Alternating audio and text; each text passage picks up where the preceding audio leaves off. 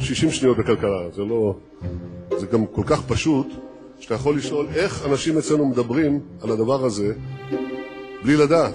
We believe in the importance of fundamentals in our economy. In a few minutes, I'll ring the bell so trading can begin. And, uh... השור והדוב, עם גת מגידו, מבית אול אין, הבית של הפודקאסטים.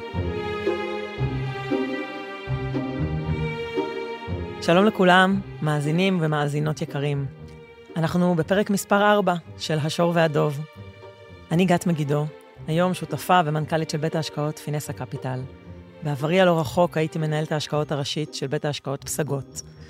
ולאורך שנותיי הרבות בשוק ההון, האמת שכבר כמעט 20 שנה, מילאתי תפקידים ניהוליים מגוונים, רובם בעולם ניהול ההשקעות, ואני כאן כדי לדבר על כלכלה ופיננסים, על נושאי היום הבוערים ונושאים אחרים שאני מאמינה שתמצאו בהם עניין. אז היום הזמנתי את גיא בית אור, הכלכלן הראשי של בית ההשקעות פסגות. אהלן גיא. אהלן. גיא ואני עבדנו כמה שנים טובות ביחד, וגילוי נאות, אנחנו גם חברים. וזה כיף לעבוד עם חברים. אז גיא, ברוך הנמצא. ברוכים הנמצאים. אז תראו, גיא הוזמן לכאן היום על ידי כדי שנדבר על uh, מה קורה עם uh, הר החובות בארצות הברית. מה קורה. מה כן. קורה. כן. ומה הסיפור סביב uh, תקרת החוב בארצות הברית, התקרה שעלתה לכותרות לאחרונה. אז אני רוצה לשתף אתכם שמאז שהתחלנו עם הפודקאסט, יש איזה מסלול שאני מנסה לבנות פה. סוג של לחבר לכם את כל הנקודות ביחד. כי בעיניי, כדי להבין את מה שקורה עכשיו בכלכלת העולם ובכלכלה המקומית, וכתוצאה מזה כמובן גם את שוקי ההון, להבין מה הסיכונים, מה הסיכויים בעתיד, צריך היה לעבור דרך תולדות הכסף והתפקיד המרכזי שתפסו הבנקים המרכזיים, ובהובלת כמובן הבנק המרכזי בארצות הברית, הפדרל ריזרב, ריזרב בשני העשורים האחרונים. אז לטובת העניין הזה, אני רק אזכיר לכם שמי שלא הספיק, אתם כמובן. מוזמנים להאזין לפרק 1 ו-2 שעסקו בדיוק בנושא הזה של uh, היסטוריית הכסף. והיום, אחרי שהצגנו את מדיניות הבנקים המרכזיים ב-20 השנים האחרונות, ועד הלום, ואת הדפסות הכסף האסטרונומיות ששטפו את כלכלות העולם, ולאור ההגעה המרגשת, יש לומר, של uh, להסכם בממשל האמריקאי על תקרת החוב, וכן, אני צינית, ואני כבר אסביר למה, אז אני חושבת שהגיעה, זה ככה נקודה נוחה לעצור לרגע ולספור את החובות ולדבר עליהם. עכשיו, לפני שנצלול פנימה, אני רוצה רגע להשוות את ההתנהלות הכספית של מדינה ממש למשק בית. פשוט שתחשבו על זה ככה כשאתם מאזינים לנו. למשק בית יש, איזושהי, יש איזשהו תקציב, יש מצד אחד הכנסות, מצד שני הוצאות, וכולנו יודעים שאם ההוצאות חורגות מהתקציב, צריך או לצמצם אותן, או ליטול חוב. בין אם זה חוב בכרטיס אשראי, או להגדיל את מסגרת האשראי בבנק, וכמובן שמשלמים על זה ריבית, ואנחנו גם יודעים היטב מה גורלו של uh, אותו משק בית, או אפילו חברה עסקית, שרמת החוב שלה יוצאת משליטה, והופכים להיות לא סולבנטיים, הם כנראה, בוודאות יפגשו הוצאה לפועל, או אירוע של חדלות פירעון. ואני חושבת שחשוב שנבין שמדינה, שנסתכל על מדינה כיחידה כלכלית לכל דבר, ובהתאם לכך, כשההוצאות של מדינה שאושרו בתקציב ותוכניות ממשלתיות חורגות מאותן הכנסות שהיא מייצרת, היא בעצם יוצרת גירעון. וצריך את הגירעון הזה לממן על ידי גיוסי חוב. אז עכשיו, גיא, בוא נתחיל. בוא נדבר רגע על ה... נתחיל מלדבר על המשמעות של תקרת החוב, ואני חושבת שנפרק את הצמד מילים האלה, ובוא נדבר רגע על החוב. מי זה החוב הזה? ממה הוא נוצר? איזה הוצאות הוא מממן, ומאיפה הוא גויס לאורך השנים. אוקיי, okay, אז אמ, בגדול ככה העולם מתנהל, הייתי אומר, מאז ומתמיד, אבל אה, זה תפס את התאוצה המשמעותית, אה, וכבר דיברת על זה לדעתי בפודקאסטים קודמים, מאז ניתוק בסיס הכסף מהזהב. אמ, וההגמון שזה ארצות הברית, למעשה מה שאנחנו רוכבים עליו בחמישים שנים האחרונות, זה אנחנו מאמינים שארצות הברית תחזיר את החוב שלה תמיד. לא משנה מה. הטריפל איי של העולם. למרות שהורידו לה דירוג באחת מה... לא זוכר בתפיסה. מי. בתפיסה, הטריפל איי כן, של העולם. כן, בהגדרה ההגמון לא יכול לפשוט את הרגל, אז נכון. נגיד, אה, צריך לתת תיקון למה שאמרת. ארה"ב היא לא עוד משק בית, ארה"ב היא, תחשבי שהיא כמו טייקון שלא מחזיר כסף לבנק, אז הבנק בבעיה, לא הטייקון, זה נכון, או משהו כזה. כן. אה, אז בגדול, אה, כמו כל משק בית, יש הוצאות, יש הכנסות, ומה לעשות אם ההכנסות לא עומדות, שההכנסות זה הכנסות ממיסים, שאני ואת משלמים, אם הן לא עומדות אה, בקו אחד, אם זה לא מאוזן עם ההתחייבויות של, של המדינה או של משק הבית, צריך לקחת חוב. אז אם אני ואת נלך לבנק לקחת הלוואה, ארצות הברית, או כל מדינה אחרת, כן, מדינת ישראל, לא, משנה מי, אוסטרליה, הם יבואו אלינו, האזרחים, ויבקשו מאיתנו הלוואה, אוקיי? וזה בעצם החוב. אז אה, מי זה אנחנו האזרחים? אנחנו שמים את הכסף שלנו בבנקים, ובסופו של דבר הם, הם אלו הבנקים, הפנסיות, קופות הגמל בדיוק, וכן הגופים הלאה. המוסדיים. גופים המוסדיים, אה, והם מנהלים בעצם את העניינים בשמנו. באה המדינה, אומרת, אני עכשיו מנפיקה חוב לעשר שנים, אני אתן לכם כמה שזה לא יהיה, אם זה היה לפני עשור, אני אתן לכם אחוז וחצי, אם זה היום, אני אתן לכם, לא יודע, ארבעה אחוזים, נניח. שלוש שמונה, שלוש שש, תלוי איפה אנחנו נמצאים, אה, אה, באיזה יום בשבוע. אה, ואז בעצם היא מקבלת את הכסף הזה, ויכולה לממן את ההוצאות שלה. מה זה ההוצאות שלה?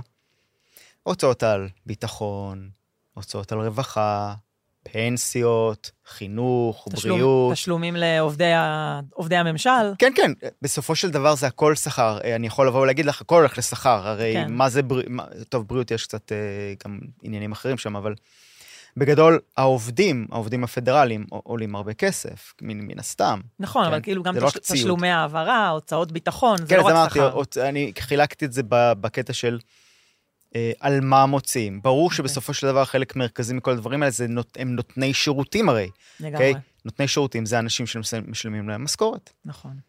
אז זה, זה בגדול איך שזה עובד. ואז השאלה האם uh, עד כמה המדינה חורגת מיכולת ההחזר שלה, כלומר כמה חוב היא צריכה לקחת מעבר. אז בואו נדבר רגע על גודל החוב. החוב הזה בעשור האחרון אה, קצת יותר מהכפיל את עצמו. כן. אנחנו מדברים ואגב, על... התוצר לא הכפיל את עצמו. כן, אנחנו מדברים על... אה, זה כמו מנה שווארמה שעלתה 60 ועכשיו 100. השכר לא עשה את העלייה הזו. לא. אמ, אז אה, גודל החוב ב- אי שם ב-2011 היה סביב ה-14 14 טריליון טריליון. דולר, והיום הוא סביב ה-31. 31. בעצם קצת יותר מפי שתיים. תסדר רגע את המספרים, כאילו, תן איזה יחסיות למי ששומע את המספרים העצומים האלה.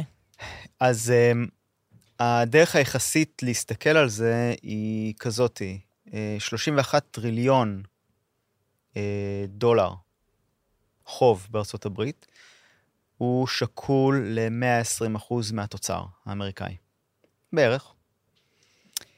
Um, מה זה אומר, נגיד, אם אה, אנחנו רוצים להשוות את זה לישראל, כן, למשל. אז נגיד בישראל נטל החוב שלנו עומד על 60% מהתוצר. אז בגדול המצב היחסי הוא שבארצות הברית נטל החוב הוא פי שתיים מבחינת נטל החוב הציבורי לפחות, כן? במילים פשוטות, פי שתיים מאיתנו, מדינה מאוד ממונפת.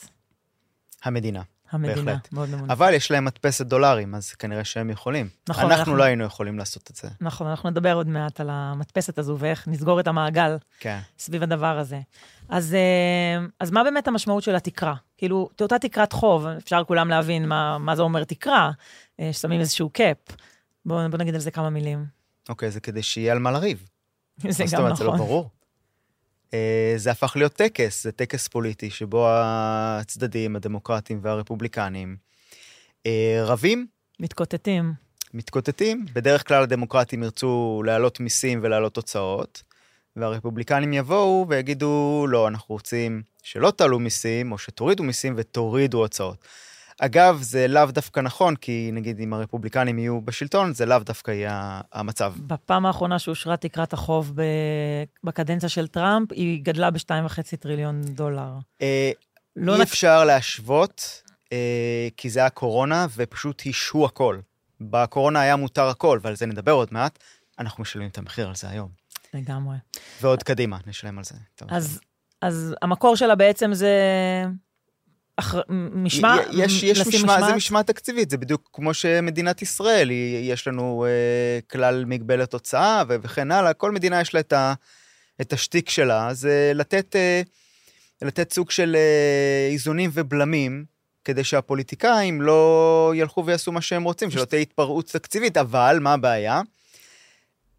מה הטעם בחוק או במגבלה, אם כל פעם שמגיעים אליה אז מעלים אותה? כן, אז זה מגיע לנקודה שבאמת צריך להגיד, אנחנו, אנשי שוק ההון, לא באמת לוקחים ברצינות ב... בכל פעם שאומרים לנו, תחזיקו אותי, שלא. תחזיקו אותי, אה, תקרת החוב אה, לא תאושר, אז אה, אולי, אנחנו לא, לא, לא, לא חושבים לרגע שהיא לא תאושר. בסוף כי כל, האלטרנטיבה היא כאוס. בדיוק, כאילו כל הסכם, כאוס שאנחנו לא רוצים לדמיין. כל הסכם שהם יעשו עדיף על להגיד, אין, אה, אין, אין הסכם. אבל בוא רגע, לפני שנדבר על זה, מה באמת המשמעות של לא לאשר? אה, ילן דיברה, ג'נט ילן, שרת האוצר, אה, ב, עוד בינואר, כשהם הגיעו לתחילת השיחות, כן. נקרא לזה, כמובן, כמו תמיד בפוליטיקה, הכל נפתר בזמן הפציעות. אבל דיברה על זה זה... לא רק בישראל. לא רק בישראל, מסתבר. דיברה על זה שזה שיתוק של הממשל, ובכלל צריך לדבר על הבעיה המוניטינית, על מה זה עושה לדולר, מה זה עושה לעלויות הריבית, אם באמת כביכול היה, היה קורה תרחיש כזה. אוקיי, אז בגדול, אם נגיד הם היו מגיעים, אה, אנחנו היום ביום חמישי, בראשון ביוני, סוף השבוע הזה, אני לא יודע מתי אתם מקשיבים לפודקאסט הזה, הם הם יעלו את תקרת החוב, יעבור, ב, זה יעבור בסנאט והכל יהיה בסדר, בקונגרס זה כבר עבר, בבית הנבחרים, סליחה, זה כבר עבר. נניח וזה לא היה קורה, אז ביום שני בבוקר, ג'נט ילן הייתה מגיעה ואומרת, אוקיי, טוב, אה, אני סתם זורק מספרים. אני היום צריכה לשלם 100 דולר אה, אה, קופונים על חוב שמגיע לפדיון. אני צריכה לשלם גם משכורות. אני צריכה להעביר גם קצת כסף אה, שירותי רווחה. על מה אני אוותר היום? כי אין לי כסף. אז ההנחה היא שבגלל המשמעויות הכבדות של לא להחזיר את החוב, כי יש את האופציה, אוקיי, טוב, אנחנו לא מחזירים את החוב היום, כי יותר חשוב לנו לשלם משכורות. אם זה היה קורה, בגדול זה היה יוצר אה, שרשרת כל כך הרסנית בשווקים הפיננסיים, ש- שבגדול היינו מדברים כאן על קריסה כללית, אוקיי? כי, כי זה לא יכול להיות, כל המערכת המוניטרית העולמית מבוססת, כמו שאמרתי קודם, על הדולר ועל האמונה החד משמעית, שלא משנה מה, את הכסף הם יקבלו. זה הזהב של ימינו. זה, אוקיי. זה בעצם, הכל יושב על trust, על אמון, IOU. ממש. כן. כן. עכשיו, אז מה שהיה קורה זה שהם היו סוגרים את הממשלה. כלומר, לא היו משלמים משכורות וכן הלאה, ואז הם היו מקבלים את הנזק מהכיוון האחר. כן? אבל הם היו שומרים על האמינות המוניטרית שלהם, והיו נכנסים מיידית למיתון, נגיד. כן. הוא מגיע בכל מקרה, אבל כאילו זה היה קורה מהר. אז עשינו קצת כבר ספוילר, ו... אבל גם אם לא עקבתם אחרי העיתונות הכלכלית, אז הדמוקרטים והרפובליקנים הצליחו להגיע להסכמות גם הפעם. ולא ניכנס עכשיו לכל המרכיבים של ההסכם, אבל זה לא יש באמת הסכם. חשוב. באמת שזה לא כזה חשוב. כולם, אף- אומר, כתוב, ב... מה שאומרים זה שאף אחד לא ממש קיבל את מה שהוא רצה, וכנראה ש... בשורה התחתונה, אין אפקטיבית שום קיצוץ כאן. כן. יש אולי מגבלה על זה שלא יוטלו מיסים חדשים ולא יגדילו את ההוצאות, אבל אין פה גם באמת קיצוץ. אז בגדול ממשיכים לגלגל את הכדור הזה הלאה, והדבר המרשים במיוחד זה שלא שמו תקרה חדשה. שזה דבר מדהים. כן, יש פשוט, תוציאו כמה שתוציאו, יש לכם עד הראשון בינואר 2025. כאילו, בדרך כלל היו מחליטים פשוט שמעלים את התקרה בעוד איקס טריליון, טריליונים. טריליון וחצי. כן, כמו שאמרתי, משהו. בקורונה זה היה שתיים וחצי טריליון, אבל שוב, המספר לא משנה. היו פשוט נותנים פתרון ביניים של לדחוף אותה קצת למעלה, עד הפעם הבאה, והפעם, האישור של תקרת החוב זה בעצם שאין תקרת חוב, אלא יש תאריך תפוגה לעד מתי אין תקרת חוב. שאז כמובן זה בדיוק בתווך במעבר בין ממשלים, כן? בין ממשל ביידן למי שזה לא יהיה אחר כך, או טראמפ או ביידן מן הסתם. אז זה ה... עכשיו, אני הבא. חושבת שאני רוצה רגע שעוד שנייה נכניס את הבנק המרכזי לסיפור הזה, כי אני חושבת שזה קריטי לסגור את כל ה... זה בלתי נפרד. ממש בלתי נפרד, אבל ילן, שכאילו מאוד הזהירה שאם לא, י- לא יביאו לפתרון, אמ, אז אמ, יהיה שיתוק, שוב, לא רק היא, הסברנו הרגע למה, אבל אחד הדברים שהיא אמרה זה בוא נבטל את תקרת החוב. הנה, שזו, היא קיבלה מה שהיא רוצה. שכן, שזו, אבל היא אמרה for good, שזו אמירה באמת, אה, יש בה משהו הזוי. אה, עכשיו, אני יודעת מה תענה, אתה תגיד לי כן, אבל זה נהיה נורא פוליטי. זה יש מה- בגלל שהיא לא, לכאורה, כן, אני מאמין שהם כולם פוליטיקאים. היא כאילו לא פוליטיקאית, והיא אומרת, כל הטקס הזה, הוא, הוא רק הורס לנו, משבש לנו הכל, הנה, תסתכלו, מתחילת שנה, היינו אמורים לגייס הרבה יותר, ורק בגלל התקרת חוב הזאת, ונאלצנו להשתמש באמצעים מיוחדים, ולא באמת יכלנו לגייס מה שהיינו צריכים, והנה, עכשיו אנחנו נצטרך לגייס המון, שזה יוביל אותנו בהמשך לעניין הנזילות. כן, אה, זה סתם יוצר רעש. היא לא רוצה את זה. היא אומרת, מה, זה משנה, אם בכל מקרה היא עולה והאלטרנטיבה היא כאוס, מה הטעם בזה? כן. אגב, ב-2011 הייתה הורדת דירוג בעקבות זה, בתקופת אובמה. סביב, כן. היה, כאילו היה רעש, הרעש היה ארוך היה, יותר היה רעש, יותר. ב- היו, היו רעשים לאורך השנים, אבל הרעשים הגדולים היו ב-2011 ו-2013, כן. וזה עבר. כן, לא, שם נראה לי כולנו התרגלנו והבנו שכל כן, פעם יעשו על זה. רעש. ו... היינו בשוק ועבדנו ביחד כבר אז. כן. אה, אני מבינה את מה שאתה אומר על הטקס, כאילו שהיא אומרת, ותרו על, הש... על הטקס, כי, נהיה, כאילו, כי בסוף הכל זה באמת הכיתוב הפוליטי והמאבקים, וכל אחד מושך את השמיכה, ועדיין זה, זה די מטורף בעיניי להציע לבטל את תקרת החוב. זה כאילו המלך הוא עירום, כאילו לבוא ולהגיד את זה, ולא להתחבא לפחות מאחורי הטקס. תשמעי, לא, לא ניכנס לזה בפודקאסט הזה, אבל uh, זה די מסתדר לי עם הכיוון שהם בגדול רוצים לקחת מבחינת מדיניות. אבל זה, זה פודקאסט אחר לחלוטין, שאם תרצי יום אחד נעשה אותו. בסדר. Uh, אז בואו נדבר רגע, בואו נכניס לתוך המשחק אה, את הבנק המרכזי, כי בעצם, אה, מישהו הבא- צריך לקנות את החוב הזה. בדיוק, כי בעצם ב- כשאנחנו מספרים לכם על ההרחבות המוניטריות והדפסת הכסף, מי שיושב על השלטר של מכונת ההדפסה זה הרי הפד. ובעצם הרגע דיברנו על זה שמשרד האוצר או הממשל האמריקאי שצריך ל- ל- לטפל בכל ההוצאות של אה, ארצות הברית, אה, מגייס כסף דרך אגרות חוב ממשלתיות. אז ב-20 שנים האחרונות, בואו עכשיו נחבר את שני החלקים האלה. בעצם, הבנק המרכזי הפך להיות שחקן מאוד מאוד אקטיבי. קודם אמרנו שמי שאמור לתת, להביא, להזרים את הכסף בגיוסים זה הפנסיות והבנקים המסחריים והציבור. ובשנים האחרונות, לא מעט שנים אחרונות, בעצם הפד הפך להיות שחקן מאוד עיקרי. איך זה נראה? הוא בעצם מדפיס דולרים ומשתתף באותם גיוסי אג"ח שעושה משרד האוצר אה, בארצות הברית, והוא בעצם, ככה עובר הכסף. בעצם במקום שהכסף יגיע מהציבור, הוא גם מגיע מהציבור, ברור שגם הציבור ופנסיות וכולי והבנקים משתתפים, אבל הוא הפך להיות יד מאוד מאוד חזקה ועיקרית בתוך הסיפור הזה. בהחלט. אז קודם כל זה לא רק הפד, כן? זה היפנים, זה האירופאים. כן, כן, ברור, כולם. אנחנו עושים פה כאילו על ארצות הברית, אבל כל הבנקים המרכזיים אה, של הכלכלות המפותחות, זה הבסיס של uh, טינה, There is no alternative, כי כן. תמיד ידעו שהפד יבוא ויקנה, יוריד את התשואות, ידחוף נזילות לשוק, ואז כולם הלכו קנו מניות. כי באמת אוקיי. מאז 2001, כל מי שגדל בשוק, זה מה שהוא ראה. זה מה שהוא מכיר. זה, זה, ה- אוקיי? זו ההתניה. עכשיו, אמ, אז צריך לה... לה- קודם כל, הרבה אנשים מתבלבלים, אה, אנשים שהם לא בתוך זה, כן? הרבה, הרבה פעמים אנשים מתבלבלים בין הצד הפיסקלי והצד המוניטרי. וחשוב להבחין, כי אנחנו גם נדבר על זה עוד מעט, אה, את הפערים הגדולים מאוד, כלומר, מה המשמעות של זה ומה המשמעות של זה.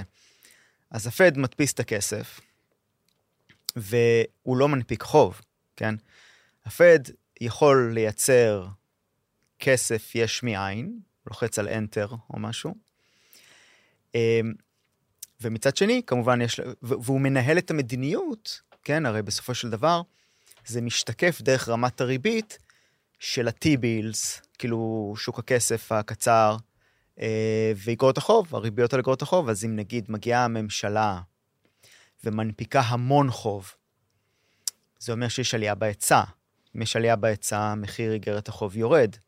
אם מחיר איגרת החוב יורד, התשואה על איגרת החוב עולה. אבל מה אם הפד רוצה שהריבית תהיה נמוכה? אז הוא צריך לעשות משהו בעניין. אז הוא מדפיס כסף, וקונה את איגרות החוב ומייצר להם ביקוש. בעצם ככה, זה, זה, ככה זה אני עובד. רוצה להדגיש, זו, זה בעצם המנגנון שבאמצעותו החזיקו את אה, מחיר הכסף מאוד מאוד נמוך בשני העשורים האחרונים. אותה סירקולציה כזו של כסף שמודפס, מגיע, מבקש באופן בעצם מלאכותי, אה, אגרות חוב ממשלתיות שמשרד האוצר מנפיק, ובדרך הזו עלות החוב אה, של, אה, שהממשלה רואה נמוכה. צד ימין מממנת את צד שמאל, יד ימין מממנת את יד שמאל, ואם ב-2007 נגיד, המשקל של הפד בהחזקות אג"ח, הוא היה בערך 8%, 8-9% מהשוק, ב-2011 הוא כבר עמד על 17% מהשוק, הוא החזיק 2.6 טריליון דולר, של אג"ח ממשלת ארה"ב. זה היה 17%, מהמם. והיום, 2023, הוא מחזיק 7.8 טריליון דולר, שזה רבע מהשוק. זה רבע משוק האג"ח. ובעצם אגב, אני- רק הערה קטנה, ביפן הבנק המרכזי מחזיק 46 אחוז מהשוק. כן. ובעצם ה- המחזיק הזה זה בעצם הנכסים שנמצאים במאזן הפד. כאילו, ככל שהחוב של ארה"ב גדל, גם מאזן הפד אה, הולך ותופח. בהנחה והוא. קונה. בהנחה שהוא אוקיי, אם קונה. הפד קונה נכסים, אז המאזן שלו הולך ועולה, וזה בדיוק מה שקרה למעשה מאז 2008. כן. וכאן אנחנו נצטרך להיכנס לדבר על צד הנכסים, צד ההתחייבויות ונזילות, אבל אה, תובילי את זה, בבקשה. אז uh, אני חושבת שבאמת בוא רגע נדבר על, uh, על בכלל על המדיניות הזו של הבנק המרכזי. אני חושבת שעכשיו קצת יותר הסברנו אותה, כאילו איך היא טכנית עובדת, שאני לא בטוחה שכולם עד הסוף מבינים את זה. אבל בואו נדבר במהות. לא יודעת, מסתכלים ב-2008, הזרימו המון כסף לשוק כדי להציל את המערכת הפיננסית, שכולנו מבינים שהייתה מאוד מאוד, הייתה תאו, תאוות הבצע, אה, הכריעה אותה. ו... וזה נכון שאגב, כחלק מהפתרון של המשבר ב-2001 וה-9-11, היו באמת, אני לא רוצה כל כך לחזור על זה, אבל המון אלמנטים של עידוד הצרכן האמריקאי לצרוך ולהתמנף וכולי. בגדול, 2001 יצר את 2008, אכן. 2008 יצר את אה, 2020 ביחד עם המגפה, מן הסתם. כן, כאילו הביאו כל, מגפה, אז אתה כל, יודע. בכל משבר נקבע תקדים, והוא יוצר לנו את המשבר הבא. כן. אז עכשיו, ב-2008 הזרימו מלא כסף לבנקים, אה, וב-2009 הם חילקו, הכל כאילו הסתדר, אז הם חילקו לעצמם מלא בונוסים. אתה שואל את עצמך, המדיניות הזו היא, כאילו, מישהו, היא מדיניות הגיונית, היא מדיניות נכונה, בפועל זה מה שהיה צריך לעשות, ובוודאי אחת, על, על אחת כמה וכמה, כשמסתכלים על המדיניות שגדלה בטירוף. אה, בקורונה. אה, בסדר, אני מודה שבעיניי כל הסגרים וכולי, הם לא היו החלטות ה- אה, האופטימליות, אבל הדבר הזה, לסגור את הכלכלות ולהזרים מספרי כסף אסטרונומיים, שבסוף, בוא נודה על האמת, מישהו יהיה צריך לשלם את הר החוב הזה. זה האזרחים. אמ, את שואלת שאלה שהיא אה, אה, מאוד אה, טעונה, אם בכלל היה צריך לעשות את זה, כי אנחנו לא חיים במציאות אלטרנטיבית, אנחנו לא יודעים מה היה קורה אילו לא היו מצילים את כל המערכת. הם טוענים שבגדול כל המערכת הפיננסית הלכה לקרוס אז, ואז הם עשו את מה שהם עשו. הציפו אותנו. מה זה הציפו אותנו? הם הציפו את השווקים הפיננסיים, חייבים לתת את ההבחנה הזאת. הם הציבו את, הש... הציפו את השווקים הפיננסיים בכסף, אה, וזה יצר לנו את אותו עשור, כמו שדיברנו, של תשואות לדעתי בממוצע של 11-12 אחוז לדעתי ה-S&P נתן בממוצע בשנה, שזה, לא יודעת אם את משווה את זה היסטורית, מה ה-S&P נתן בממוצע, זה מעל הממוצע. 6-7, כן. כן, נתן הרבה יותר מהממוצע, וכולם התרגלו כאילו זה, זה הסטנדרט עכשיו. כן. אז למדיניות הזאת יש פג תוקף. חייב להיות לה פג תוקף, ואני חושב שמה שקרה במשבר הקורונה, זירז אותנו מאוד להגיע לאותו פג תוקף. אוקיי? אמ, בגדול, אתה לא יכול להדפיס כסף לנצח, להגדיל את רמות החוב, מבלי שיגיע מועד תשלום. אה, ואני אומר את זה הרבה פעמים, אגב, גם ללקוחות שאני מדבר איתם. בגדול, במשבר הקורונה, הכסף הפך להיות כסף מונופול. כן. כמות הכסף בארצות הברית, פחות או יותר ריבעה את עצמה בתוך כמה חודשים. מאיזה ארבע ומשהו טריליון, תסלחי לי שאני לא זוכר את המספר המדויק, ל-19 טריליון, משהו כזה. חימשה את עצמה אולי. אגב, אתה יודע, כשאתה מסתכל... זה לא יכול לבוא בלי מחיר. נכון, וכשאתה, אני רגע רוצה פה להכניס את הכלכלה הישראלית, כי נכון, בעיות, אה, כלכלה קטנה, בעיות קטנות, אבל בישראל לא הייתה בועת נדל"ן ב-2008, אז לא נתייחס רגע לאירוע ההוא, אבל מגפת, זאת אומרת, המש, התוצאות וההשלכות של המגפה והמדיניות דומות, ובישראל הייתה מדיניות הרבה יותר ממושמעת. הרבה יותר. אגב, אמ, זאת אומרת, זה רק, זה מודל שאומר, הנה, אפשר. לא הביאו לנו הביתה עסקים של כסף. תשמעי, היו, עוד פעם, זה לא פודקאסט על ישראל היום, אני אשמח לעשות, יש לנו הרבה איזה בו.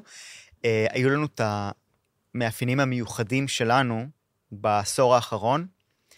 לא היינו צריכים לעשות פה הרחבות כמותיות, לא היינו במשבר ב-2008. מערכת הבנקאות, תמיד אוהבים לתקוף אותה פה, שהיא ריכוזית ויקר ופה ושם. מערכת הבנקאות הריכוזית עם רגולטור חזק, זה מה שהציל את כלכלת ישראל ב-2008. אז מה שקרה זה שהיינו עם ריבית אפס לאורך כל השנים האלו. לא הזרמנו כסף, לא הדפסנו כסף, אה, וב-2020 זה היה מצב חריג. גם מה שעשו פה, הוא היה באמת מאוד מדוד, מאוד סביר, ולכן גם הבעיה פה, במובן הזה, היא הרבה יותר קטנה, אפילו לא הייתי אומר שיש פה בעיה. כן, לא, ביחס אני- למה שקורה בארצות הברית. אני מזכירה לך שהכנסתי פה את ישראל בהקשר של השאלה, אם זה לא הייתה מדיניות מרחיבה מדי. מה, מה שקרה בארצות הברית? כן, של... זה אלה ספרי ההיסטוריה, אבל אה, אנחנו בואי כמובן... לא נשכח שעוד פעם, ארצות הברית הייתה בקריסה פיננסית ב-2008. אפשר לטעון שכל מה שהם עשו זה לבעוט את הכדור קדימה ולהגדיל את הבעיות העתידיות, שזה לדעתי בדיוק מה שקורה. ואנחנו מגיעים, לדעתי, בימים אלו, לסוג של שיא בעניין הזה. עוד פעם, אם תרצי, נדבר על אז, זה, כי... אז, כי... אז בוא רגע, בוא שנייה נחזור, נישאר בז- בזמן שיש לנו רגע בתקרת החוב, ונדבר רגע על המשמעות של יישום ההסכם. הרי בסוף יש הסכם, ויש פה איזה משהו טכני אולי שצריך כן. להסביר. בעצם אה, בחצי שנה האחרונה, מאז שהתחילו לטפל בזה ש... אה, בנושא של תקרת החוב, אז אה, משרד האוצר מיעט בהנפקות, בגיוסי, בגיוסי אג"ח ממשלתי, ואני אקרא לזה, השתמש בכיסי שומן, כאלה ואחרים. אה, ועכשיו בעצם אה, קיבל את ה... הפליי חזר אה, לעבוד, זאת אומרת, פליי מהמקום של הפעל, כן. והם יכולים לחזור, לא יודעת אם לקרוא לזה לנשום לרווחה, אבל לחזור לגייס.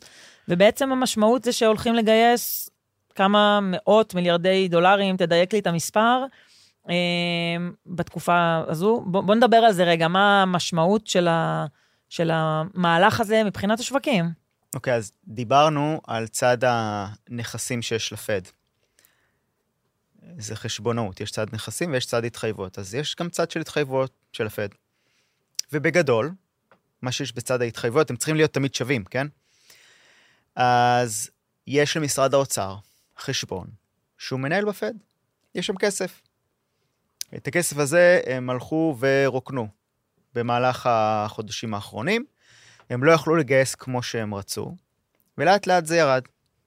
עכשיו, עצם זה שמשרד האוצר לא מגייס כמו שהוא היה רוצה, אפקטיבית, הרי מה עושה גיוס? הם סופגים נזילות, הם מוכרים אגרות חוב ולוקחים מזומן מהציבור. אליהם. נכון. אוקיי? זה נקרא לספוג נזילות, בגדול.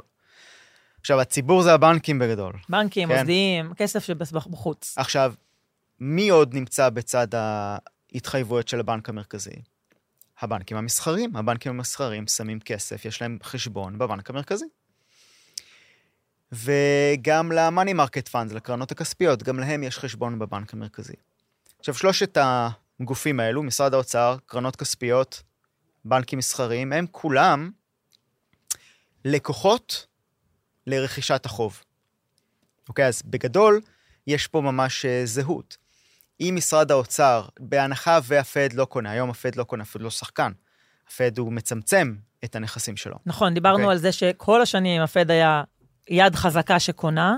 בעצם אנחנו עכשיו במדיניות מרסנת, ה- ולא היום- במדיניות מרחיבה. כן, אז תחשבו שבצד שמאל, נגיד צד ימין, לא משנה, יש, יש את הנכסים של הפד, הפד היום מחזיק נגיד אה, את ה-7.8 טריליון דולר, אבל הוא מצמצם כל חודש את הכמות שהוא מחזיק. נכון, אגב, זה מצטמצם בידי, ב- בזה שאיגרת חוב, יש לה, פשוט לא קונה יש חדש, לה מועד, מגיע לפדיון. בדיוק, יש לה מועד פדיון, בפדיון היא הופכת למזומן, והוא לא ממשיך לקנות. ואז בהנפקות הוא לא שחקן חזק כמו שהוא היה קודם.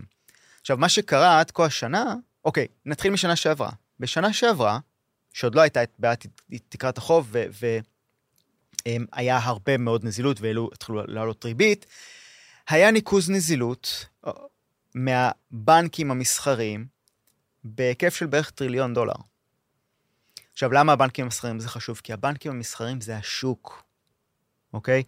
כמה כסף שיש לבנקים המסחריים, למוסדיים באופן כללי, זה מה שמזיז את השוק.